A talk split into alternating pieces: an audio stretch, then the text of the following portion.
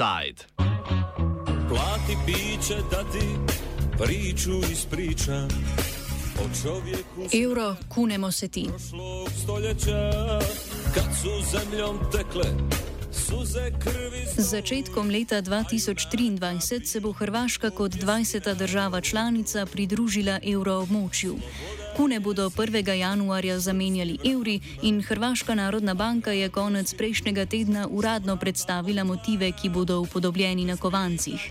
Na natečaju so zmagale štiri različne podobe: zemljevid Hrvaške, napis v glagolici, portret Nikole Tesle in motiv Kune. Prav ta zadnji dni zaposluje hrvaško javnost. Izkazalo se je, da je položaj Kune neposredno prevzet z fotografije škotskega fotografa Iana Liča.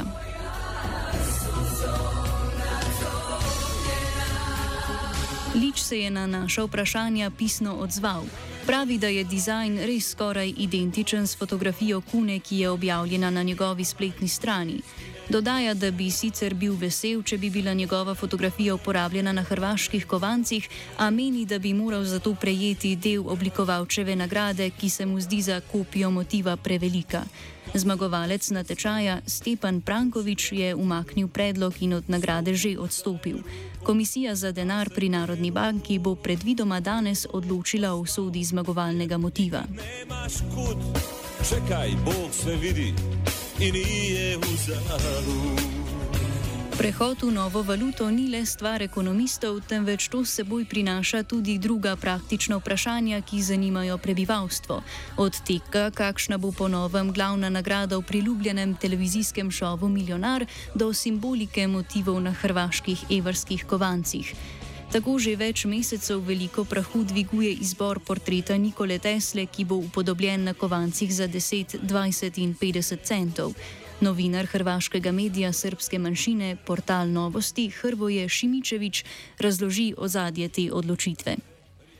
Pa što se tiče odabira Tesle kao motiva, a, mislim da nije riječ o provokaciji ukoliko je provođena generalna nekakva građansk, građansko ispitivanje, to je nekakav vid a, građanskog recimo deklariranja Hrvatske kao moderne države, što prije 30 godina nije bio slučaj. E, prije 30 godina, ne znam da li znaju vaši slušatelji, Tesla je bio odiozan e, i e, hrvatskoj javnosti, prvenstveno državotvorcima, odnosno Tuđmanu i vladajućoj stranci, zato jer zbog njegovog srpskog porijekla, jel, u to, jedan od najvažnijih e, aspekata te netrpeljivosti je činjenica da je miniran veliki velebni spomenik e, u Gospiću, u području gdje je Tesla rođen. Jel?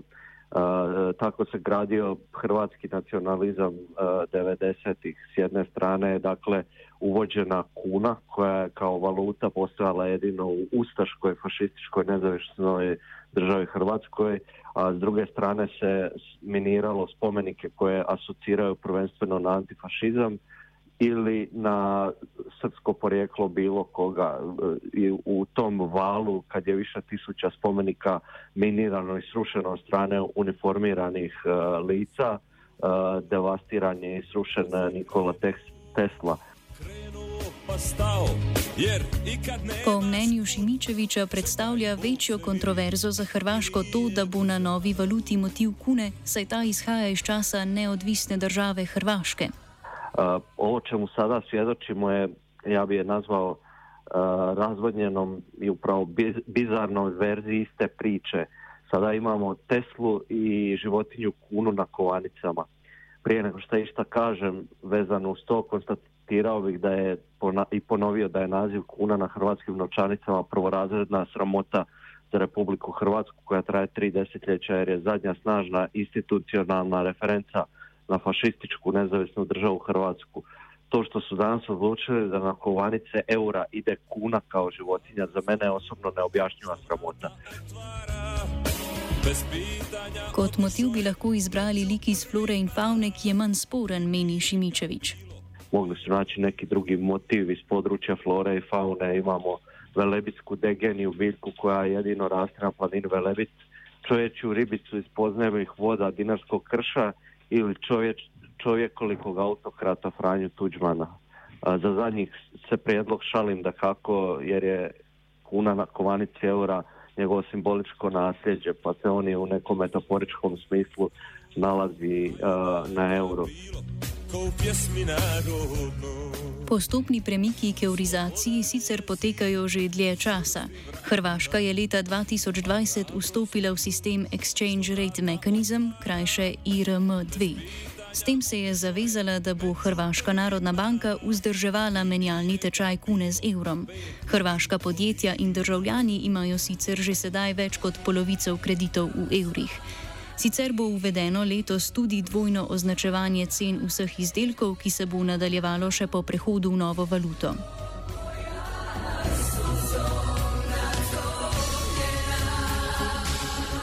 Vladimir Arčabič, profesor na ekonomski fakulteti Univerze v Zagrebu, pojasni, kako poteka ta prehod.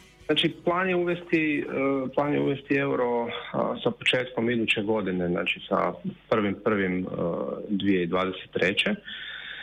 Uh, što se tiče nekakvog procesa, zapravo većina toga je uh, iza nas već je završila. Hrvatska narodna banka je tamo već prije nekih tri godine ili čak možda sad već četiri godine počela sa nekakvim pripremama uh, gdje su oni radili određene analize, radili su analizu troškova i koristi uvođenja eura, odnosno da li se Hrvatskoj isplati ući u eurozonu ili ne. Uh, zaključak tih analiza je bio da su troškovi relativno manji i da su jednokratni, a da su koristi dugoročne i da su relativno veće u odnosu na troškove i zbog toga se onda i krenulo u uh, proces uvođenja eura. A uh, nakon toga su morali biti zadovoljeni oni formalni uvjeti sa ulaskom u RM2 i tako dalje. Poslano je pismo namjere pred neko vrijeme, tako da zapravo sada se uh, kreće u onu nekakvu finalnu fazu gdje se na mala vrata za sada još, s obzirom da ima još 11 mjeseci do uvođenja eura, ali počinje se lagano sa komunikacijom prema javnosti. Trenutno je ena kuna vredna 13 evrskih centov. Hrvati so si ta tečaj zadnji dve leti močno prizadevali ohraniti stabilen. Leta 2020 so tečaj ohranili za ceno 1,6 milijarde evrov, zato pa je bil kriv predvsem upad turizma, posledica epidemije. To je kriterij Hrvatska je ispunila već valjda od 94. Dakle, tečaj kune i eura je vrlo stabilan. I u biti ono što Hrvatska narodna banka radi, ona, znači to je središnja banka u Hrvatskoj, oni, oni provode e, monetarnu politiku uglavnom na način da se stabilizira tečaj, tako da se ne uvozi nekakva inflacija.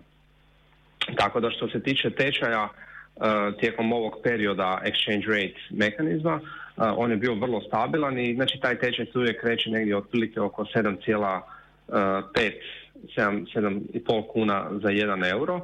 Uh, i nekakvi, tu su nekakva ono mala odstupanja, najveća odstupanja su bila otprilike tamo negdje početkom korona krize, ali ni tada promjena tečaja nije bila ni približno velika uh, da, bi, da bi uopće ugrozila ovoga pristupanje Hrvatske u eurozonu.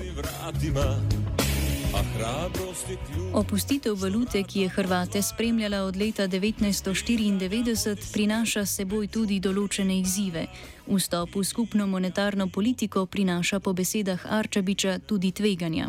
To pitanje je bilo v centru istraživanja uh, Hrvatske narodne banke, uh, znači koliki bi bio taj trošak uh, odustajanja od vlastite monetarne politike i preuzimanje monetarne politike eurozone.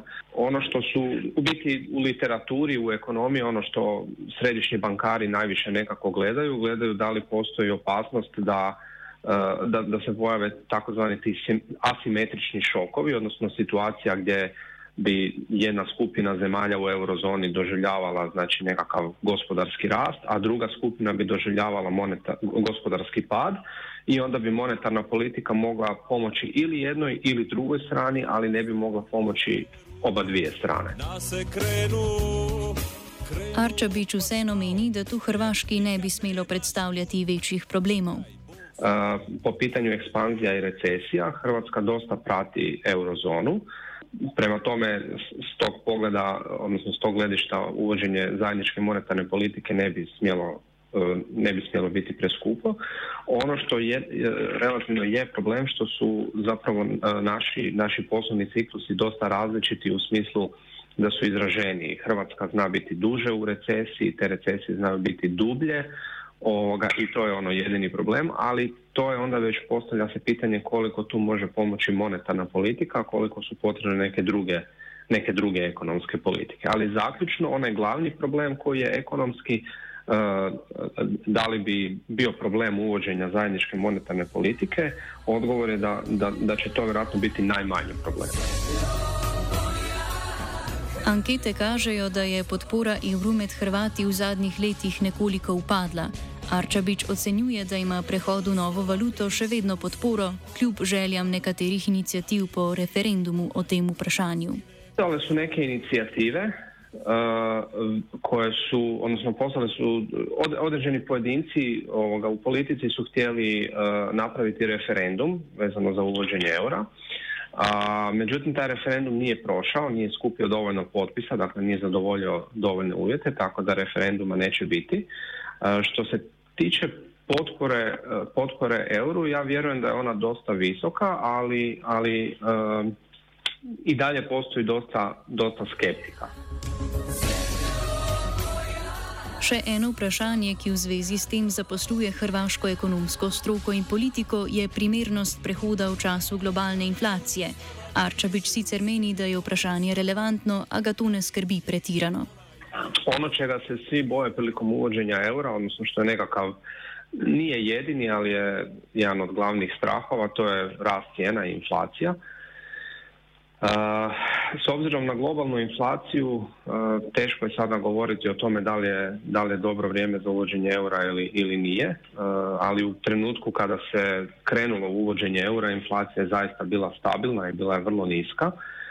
Mm, sad eventualno što bi se moglo ovoga, razmišljati o nekakvom produženju, ako bi to bilo ovoga, ako bi to bilo oportuno, ako bi to imalo smisla, ali nekako je pa u principu ono o čemu, znači, o čemu govore izvještaj Europske središnje banke, pa i Hrvatske središnje banke je da, da ta inflacija se ne očekuje da će biti dugoročnog karaktera, nego da će taj porast cijena doživjeti nekakav vrhunac, ajmo reći, prvom polovicom ove godine i da će se nakon toga cijene stabilizirati, odnosno da će se inflacija stabilizirati, tako da do 2023 E, odnosno sa uvođenjem eura, da bi se mogli fokusirati isključivo na, na, na to da se stabiliziraju cijene e, zbog, odnosno da ne dođe do porasta cijena zbog konverzije. Medtem ko opustitev kune nekoliko pretresa hrvaško-srpske odnose, pa si lahko slovenci prej obetamo nasprotno. Uvedba evra namreč hkrati pomeni konec slovenske folklore kupovanja kun pred dopusti. Letos še zadnjič.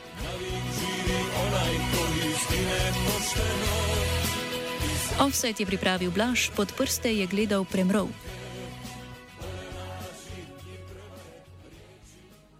Iskoristio bi složenicu koju sam upravo sad izmislio za psovku e, koju bih uputio onima koji su odlučili da kuna bude na euro, e, a psovka ide odite u kunac. Eto, samo bi to htio reći.